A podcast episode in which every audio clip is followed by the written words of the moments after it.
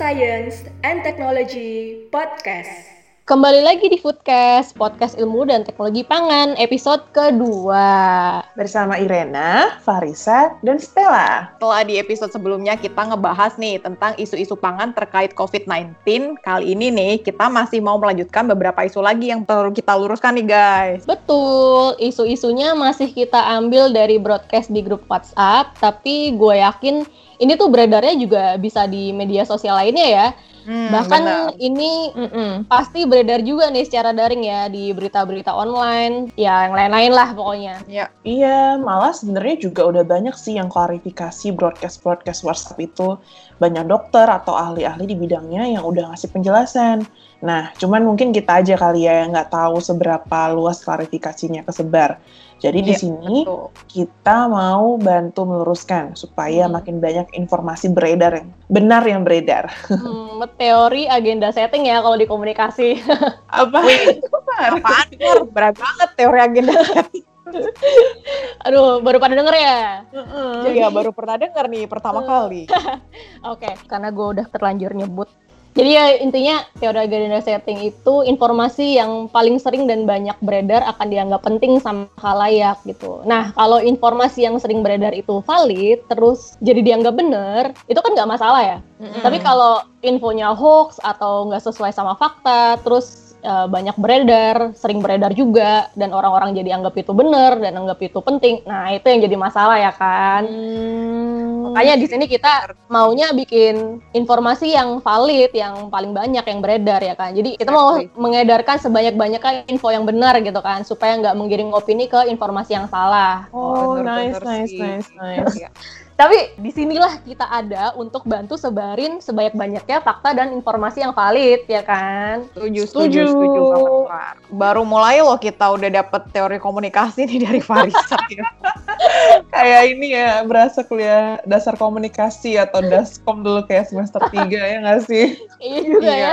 bener, Eh, bah- bener. Bahkan kayaknya dulu belajar daskom tuh nggak diajarin teori sih ya. Dapatnya tuh kayak model-model komunikasi, iya nggak? Iya bener sih, kayak yang paling gue inget itu yang retorika itu guys. iya, Laswell model lah, uh, Wilbersham dan lain-lain lah pokoknya. Astaga, gue malah udah lupa semua ya. Pokoknya intinya kita cuma dapat kulitnya lah dulu ya. iya sih, iya bener. Eh teman-teman yang nggak tahu daskom, kok kita belajar dasar-dasar komunikasi ya dulu di IPB. Jadi kita tuh ada mata kuliah interdepartemen kan dulu ya guys. Interdepartemen itu benar. mata kuliah jurusan Bener lain banget. gitu. Hmm. Hmm, Mata kuliah dari jurusan lain yang itu tuh harus kita ambil karena itu beberapa Ya. ada yang syarat gitu kan untuk Iya, ambil betul, mata kuliah betul. kita di jurusan kita gitu. Iya. Jadi Kita nggak, nah gue nggak tahu bener dan gue nggak tahu kenapa kita harus ngambil daskom gitu kan. Ya kalau Hmm. gue sih harus ngambil daskom karena gue minor gitu. Kalau kalian gue nggak paham. Hmm. Mungkin supaya kita bisa menjelaskan ilmu pangan eh, dengan lebih lebih enak kali ya. Makanya dikasih Ya. dasar-dasar komunikasi. Yoi. Dan kayaknya Oke. komunikasi berguna banget kan Far di bidang apa pun ya kita bekerja. Setuju. Betul, setuju Setuju, kan? setuju. Termasuk ini ya, semoga kita bisa lebih clear menjelaskan apa ilmu pangan, ilmu dan teknologi pangan gitu. Oke, Iya. demikian sekilas info ya. Sekarang kita harus langsung ini nih eh, lanjut ngebully ya kan. Ntar malah jadi podcast ilmu komunikasi lagi ya kan. Wah, boleh juga. Bener-bener. Ya silakan eh, Kakak Stella silakan lanjut ngebulinya. Eh eh, trigger statementnya. Aduh. Iya iya iya, thank you Farisa. Oke, trigger statement pertama ya, gue bacain lagi nih. Jadi trigger statement pertama nih, tidak boleh mengkonsumsi kunyit dan temulawak, yaitu misalnya bahan baku untuk jamu karena mengandung kurkumin yang meningkatkan enzim ACE2 yang diduga sebagai reseptor virus corona. Waduh. Titik. Ya. Eh, boleh Oke. dibacain nggak style isi broadcastnya? Oke, jadi isi broadcastnya hindari kunyit dan temulawak sementara waktu. Duh guys, baru mulai broadcastnya nih kayaknya udah ada bahaya nih, sensitif banget nih informasinya nih. Kenapa style? Karena ada sebut nama dosen dan institusi pendidikannya gitu, jadi kayaknya gua sensor aja ya untuk namanya. Oh iya, oke oke. Oke. Ya, oke. Jadi gua Gimana? bacain nih. Arahan dari dokter Oh iya kan disensor ya. Iya, sensor. Dari ada bipnya gitu ya. Ya, Mhm. oke. Arahan dari dokter yang tadi tidak boleh disebut. Bener. agar jangan konsumsi atau minum kunyit dan temulawak karena mengandung kurkumin. Beberapa penelitian dari jurnal ilmiah telah membuktikan bahwa kurkumin meningkatkan ekspresi enzim ACE2 atau angiotensin converting enzyme 2 yang merupakan reseptor COVID-19 sehingga membuat tubuh lebih mudah menerima COVID-19. Terus dia ada sebut contoh referensi dari www.ncbi.nlm.nih.gov eh gov ya. Panjang ya. Yang banget ya. Terus nih Hmm. ada next next paragraf eh, di, dibilang begitu pula masukan dari Profesor lagi nih di sensor. ada Dari lagi dari Iya iya iya. Nama ya sensitive information. Terus gue bacain nih. Profesor itu eh, berkata tentang teori ini bahwa dari literatur yang mereka baca, kurkumin dapat meningkatkan ekspresi ACE2 reseptor. Begitu juga dari koresponden yang dikeluarkan dari The Lancet disebutkan bahwa coronavirus berikatan dengan targetnya dibantu oleh ACE2 reseptor. Well, habis ini masih panjang banget isinya ada kayak dua paragraf lagi, tapi gue langsung ke inti broadcastnya aja ya yang dibilang penting nih. Gue Jadinya kebayang sih ini panjang pasti Hmm. broadcastnya. Iya bener-bener. Tapi kalau misalnya ada dari kalian yang penasaran banget nih, pengen tahu isi broadcast aslinya, bisa Heeh. juga kontak kita ya Farel lewat IG atau Boleh, boleh ntar kita kasih nih. email. Ya, Forward. bener banget. Tapi, ya, Boleh. bener, bener. DM aja Nih. di Instagram atau Twitter gitu atau email gitu. Lanjutannya apa?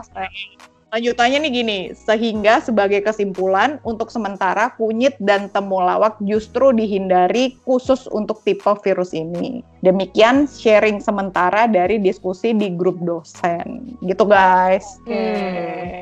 Aku udah pernah dapat ya tentang temulawak sama kurkumin ini. Kayaknya gue udah pernah sih baca di grup keluarga gue ya. Kalau nggak salah sepupu gue juga, sepupu gue ada yang alumni farmasi dari perguruan tinggi itu yang tadi disensor gitu kan. Hmm. Ah, gitu. Oke. Itu juga ngasih, kayaknya dulu dia pernah ngasih tanggapan sih dan waktu itu Hmm. juga masih jadi perdebatan tuh katanya soal itu isu itu gitu. Nggak tahu ya kalau sekarang soalnya kan itu keluar broadcast itu keluarnya di awal-awal pandemi nggak sih kalau nggak salah? Udah ada kok yang kualifikasi itu. Oh, udah? Udah itu. ya? Iya, udah. Jadi bahkan di broadcast oke. itu kan ada nama ya, eh, yang bikin broadcast siapa yang disensor tadi sama Stella yang beep gitu kan.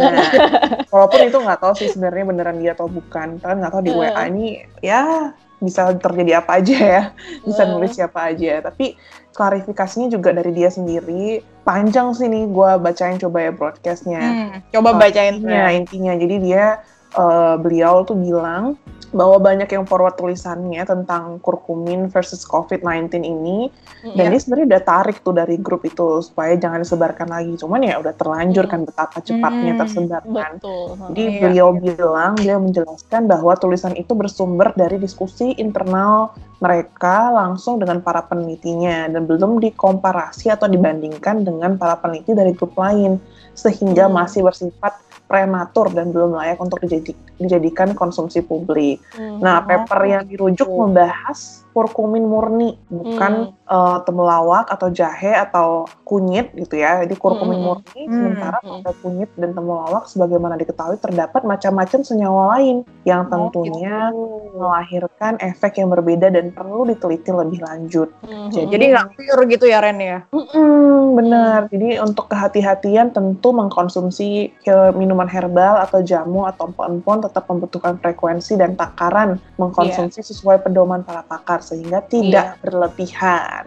Ya. Iya. Uh, setuju setuju sih. Mhm. Tapi mungkin ini ya nggak hoax juga sih ya. Mereka Mhm. juga pasti baca jurnal dan nge-review itu juga. Tapi mungkin seharusnya belum boleh klaim kayak gitu ya, karena masih hasil diskusi di grup gitu, bukan hasil penelitian yang memang udah valid dan konfirmasi Iya. gitu loh.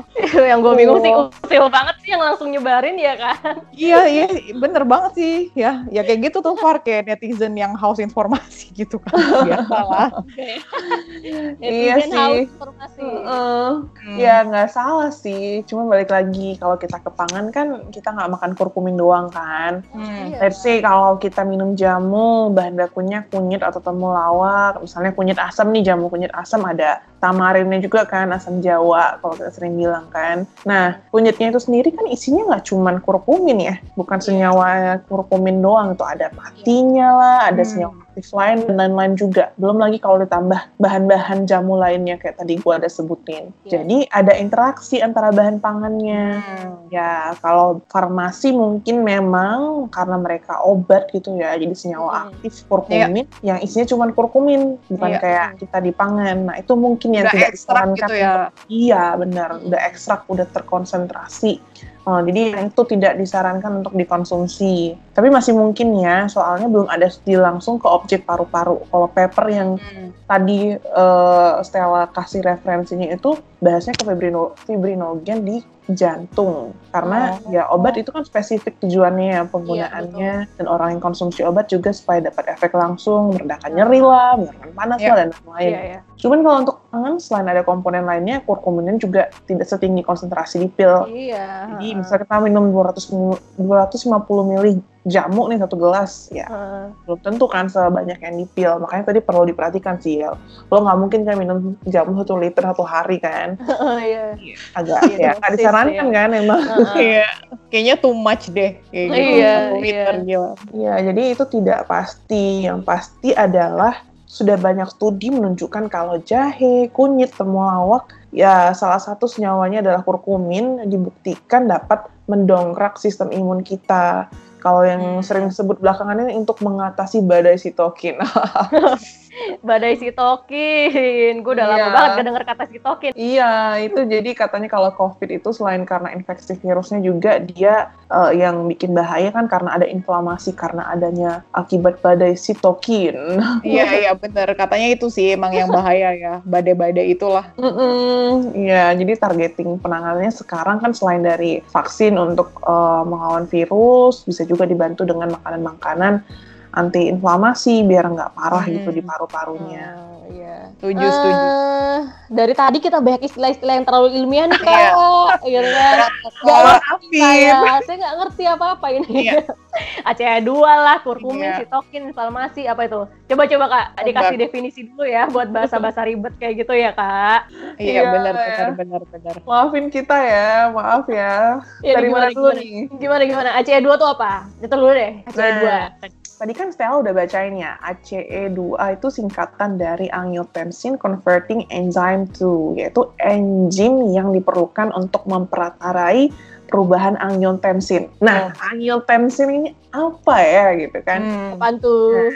Ini sendiri tuh em, hormon yang mendorong pengerutan pembuluh darah. Jadi Hmm. pembuluh darah kita itu sebenarnya kan bentuknya kayak selang ya. Heeh. selang Hmm. air versi mikro. Jadi Iya. bisa kebayangkan penyempitan dan pelebaran selang itu akan mempengaruhi tekanan aliran Hmm. air Bener Nah, banget. dalam pembuluh darah yang dipengaruhi tentu tekanan darah kita. Iya. Jadi pengerutan pembuluh darah ini akan meningkatkan tekanan darah di dalam tubuh kita gitu. Iya. Hmm, Oke. Nah, kalau kurkumin? Kalau kurkumin itu adalah senyawa aktif yang ada di temulawak, kunyit, dan bahan pangan lainnya yang punya warna kekuningan gitu. Jadi kurkumin ini salah satu pigmen di tumbuhan yang memberikan warna kuning.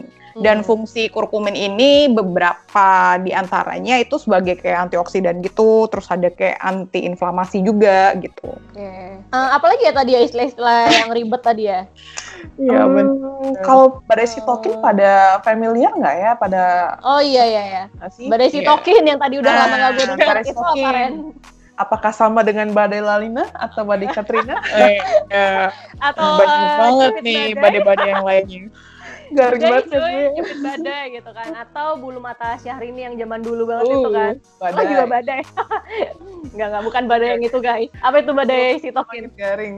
Jadi pertama, sitokin itu adalah senyawa protein dalam tubuh kita yang mempengaruhi terjadinya Hmm. inflamasi. Ada yang bisa sifatnya mendorong atau pro, Ada yang Hmm. sifatnya mencegah atau menghentikan atau anti. Jadi ada proinflamasi, ada antiinflamasi. Hmm. Nah, kalau kita terinfeksi COVID-19, akan ada respon inflamasi yang agresif dengan adanya pelepasan sitokin-sitokin proinflamasi Hmm. banyak. Nah, ini yang disebut dengan badai sitokin, guys. Oh, karena banyak gitu ya. Gitu ya. bener. Pelepasan sitokinnya. Hmm. Tuh, sitokinnya bisa sebadai itu loh. Terus apa lagi Kita ya? Kalau apa ya? in- Inflamasi, inflamasi ada proinflamasi. Nah, inflamasinya itu apa sih? Nah, inflamasi nih. Sering juga kita sebut tuh peradangan sebenarnya teman-teman. Hmm. Sebenarnya kalau di luar di tubuh itu kan bagian luar kalau kita ibaratnya jatuh kan tuh ada luka ya di lutut, Iya. kena baret, berdarah, kan sakit tuh. Nah, di dalam tubuh kita juga sebenarnya bisa terjadi seperti itu. Ya belum tentu sih sampai berdarah kayak di luar tubuh ya. Sakitnya Biasanya- tuh di dalam gitu ya. Di dalam gitu. Di Biasanya sini, Far, di sini. Mana tuh gua kelihatan di sini tuh. kan di dalam. kakak. Kita nih. Apa lanjut deh. ya ampun, jadi out of out of topic ya. Apa tadi? Inflamasi itu peradangan Heeh. Jadi kayak semacam di luka kan, semacam luka di Hmm. luar tubuh. Cuman ya nggak kelihatan kan karena bagian dalam organ tubuh kan. ya iya. Biasanya nih em, terjadi karena serangan bakteri jahat atau patogen, Hmm. mikroorganisme Hmm. asing, dan mungkin hal-hal lainnya. Nah, dalam konteks Hmm. obrolan kita ini disebabkan oleh infeksi coronavirus, ya kan? Heeh. Jadi tubuh kita tuh akan kasih respon sakit atau luka yang kita sering sebut inflamasi bahasa Hmm. medisnya kan. Yes. Sering kan yang kita pakai istilah itu yang sering kita pakai radang tenggorokan. Nah itu familiar kan? Heeh. Kalau Jadi kita ke dokter- itu inflamasi tenggorokan, bukan ya? Inflamasi tenggorokan. Kita periksa ke dokter di sampel tuh ada yang merah-merah di ujung lidah bagian dalam kan. Mm-mm. Nah seperti itu contoh yang agak kelihatan. Tapi kalau dalam tubuh kita misalnya eh, pembuluh darah kita atau bagian paru-paru kita, kita butuh Mm-mm. cara yang lebih canggih untuk memeriksanya. Iya, seri gitu ya. Nah, oke, eh, udah ya tadi ya. Kayaknya sementara untuk masalah kurkumin, temulawak, dan ACE2 ini kita batasin sampai sini dulu aja kali ya. Karena intinya kalau mau minum jamu yang ada temulawak, kunyit, dan lain-lain, ya udah konsumsi aja makanan dan minuman apa pun yang bahan bakunya mengandung kurkumin, itu kan masih nggak apa-apa gitu kan. Maksudnya kayak, ya nggak usah ribet lah mau minum jamu doang gitu. Iya, nggak apa-apa dong. Selama kurkuminnya masih dibawa sama kunyit, temulawak, dan jahe atau bahan lainnya secara utuh, Mm-mm. silakan konsumsi aja. Betul. Ada manfaatnya sebagai antioksidan, imunomodulator yang bagus untuk meningkatkan imunitas tubuh kita. Iya. Ya, bisa jadi untuk membatas, mengatasi badai sitokin tadi loh. Iya. Jadi masih bisa minum jamu dengan tenang ya guys, dan tetap waspada dengan corona. Oke. Oke. betul betul. Oke, eh, next trigger statement? Oh, oke. Trigger statement selanjutnya nih menarik, guys. Nggak, Gue bacain Oke. langsung. Ngebully, broadcast selanjutnya. Oke, oke, apa gimana Iya. nih trigger? Ini menarik banget nih. Oh, Kayak so close to us nih. Jadi bunyinya gini, minum air hangat bisa membunuh semua virus. Tidak disarankan minum air es. Hmm. Ah, gimana ya ini klaimnya?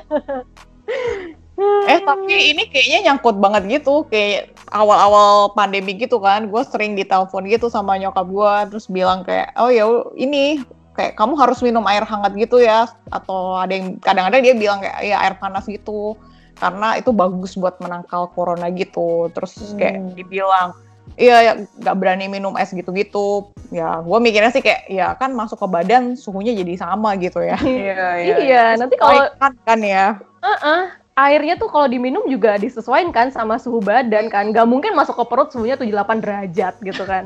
Ya dari lidah juga udah ditolak kali Far ya, nggak Iya, mungkin gila ya. minum, minum air 78 derajat. Hmm. iya kan? Iya, jadi lidah rebus kali ntar. Tidak rebus.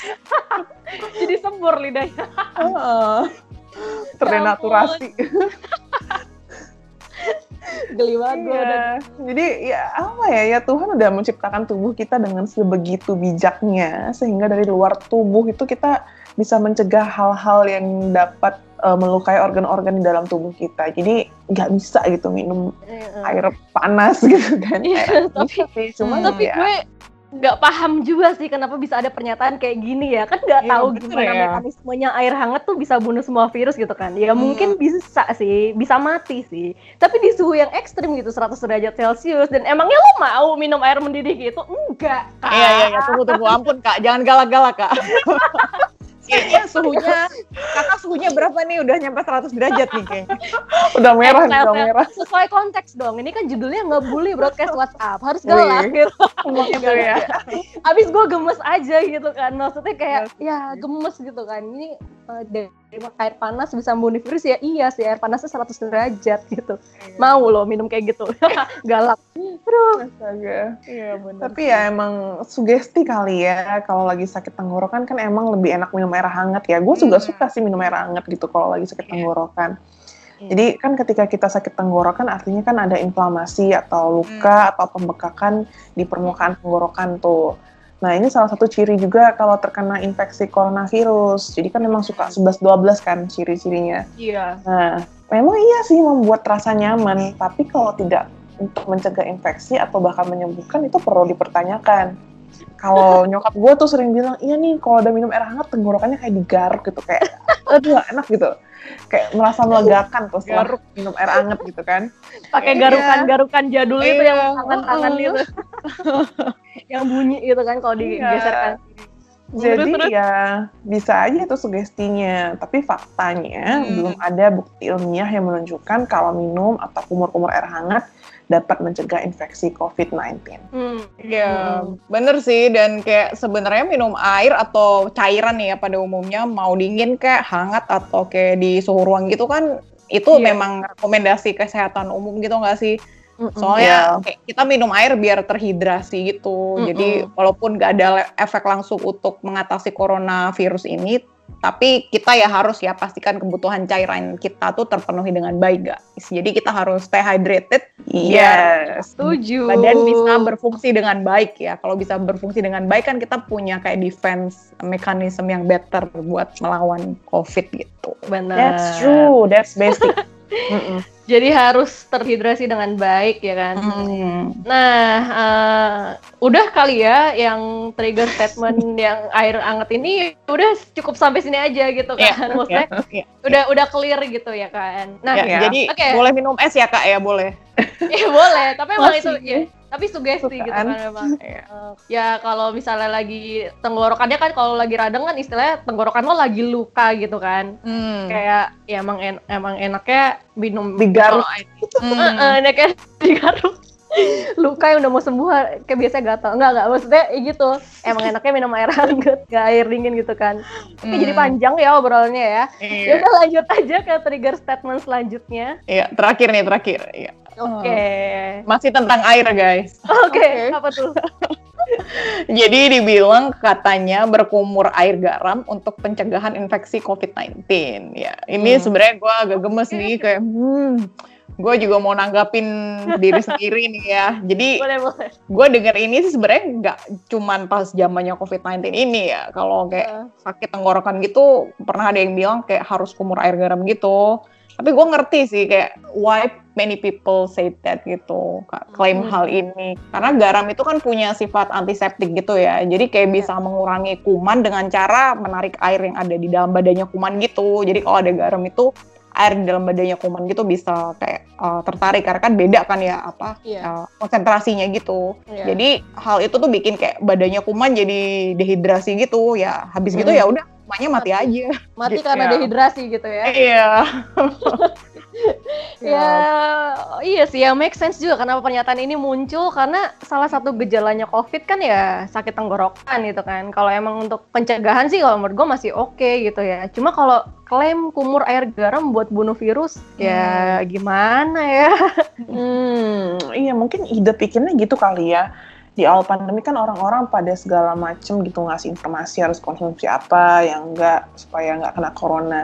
Tapi yang menariknya ya guys nih, gue nemu nih publikasi terbaru nih yang masih fresh from the oven.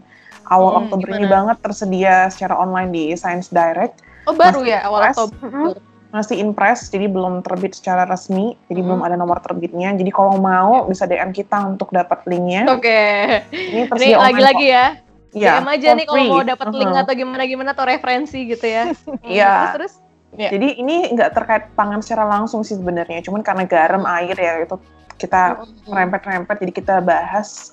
Iya. Nah, beberapa peneliti dari India ini mengkaji kemungkinan kumur air garam dan irigasi nasal atau kita sering dengar dengan istilah nasal wash pakai air Hmm. garam untuk mengatasi infeksi coronavirus. Nah, coba deh kalau bingung tuh nasal wash itu apa, coba habis ini browsing dengan kata kunci netipot. Jadi netipot. N E N E T I P O T. T. Ya, kalau bingung nasal wash itu gimana? Nah, gue pernah coba dulu waktu flu tiada henti waktu gue winter di Hmm. US. Flu tiada henti, aduh sedih banget. gue kan anak tropis banget kan. Jadi pas winter itu gue flu tiada henti gitu kan uh, awal-awalnya. Terus disaran sama dokter tuh pakai netipot. Awal-awal gue grogi banget takut meninggal gitu kan. Kesedot air atau nggak bisa nafas.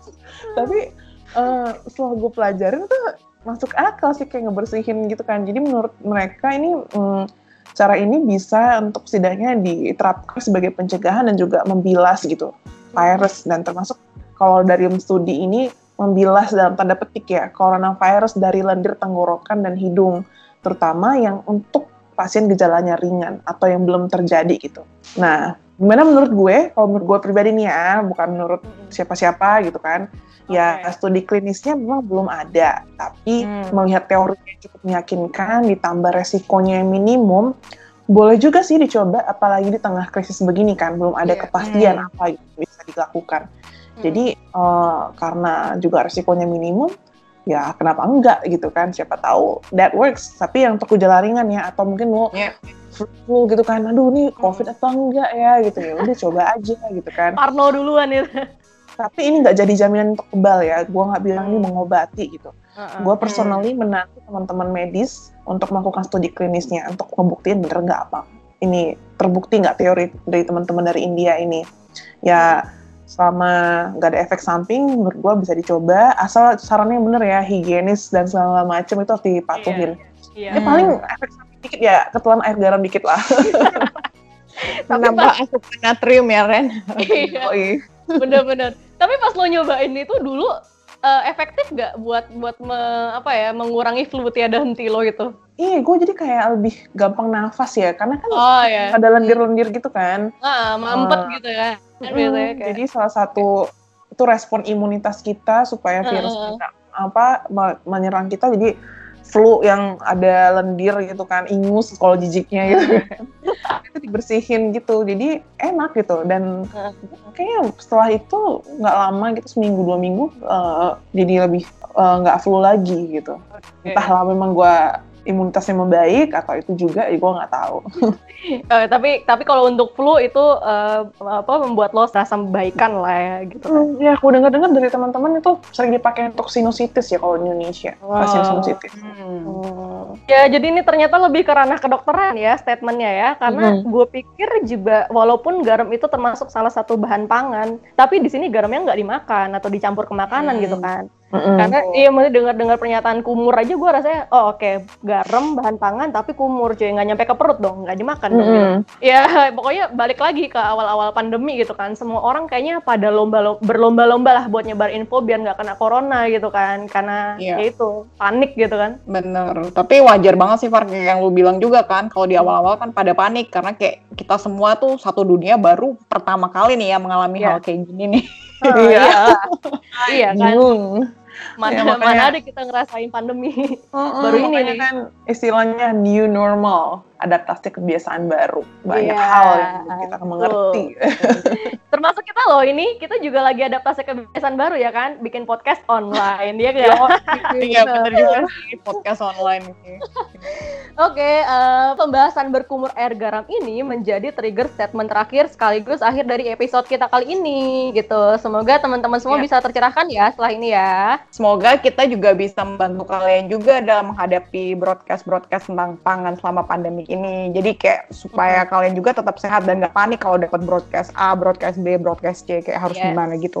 Dan juga karena mungkin referensi ilmiah tentang COVID-19 ini masih banyak yang dalam proses, entah itu masih Mm. dalam penelitian, masih dikaji para reviewer, masih proses publikasi yang kayak tadi. Semoga Mm. kita di sini bisa membantu meluruskan logika-logika eh, yang teman-teman anut melalui prinsip-prinsip dan sifat-sifat pangan itu sendiri. Jadi ya kita open minded, kita belajar sama-sama dari apa informasi yang udah ada kita olah. Penganut Iya. agama ilmu Tadi pangan. Oh my god, gue gini.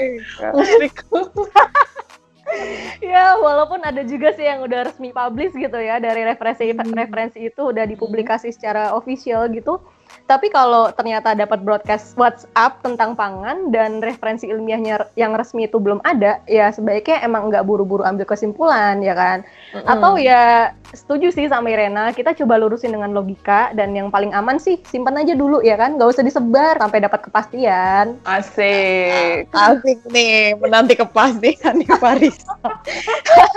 oh tentu dong. Because uncertainty is depressing ya kan? Oh iya.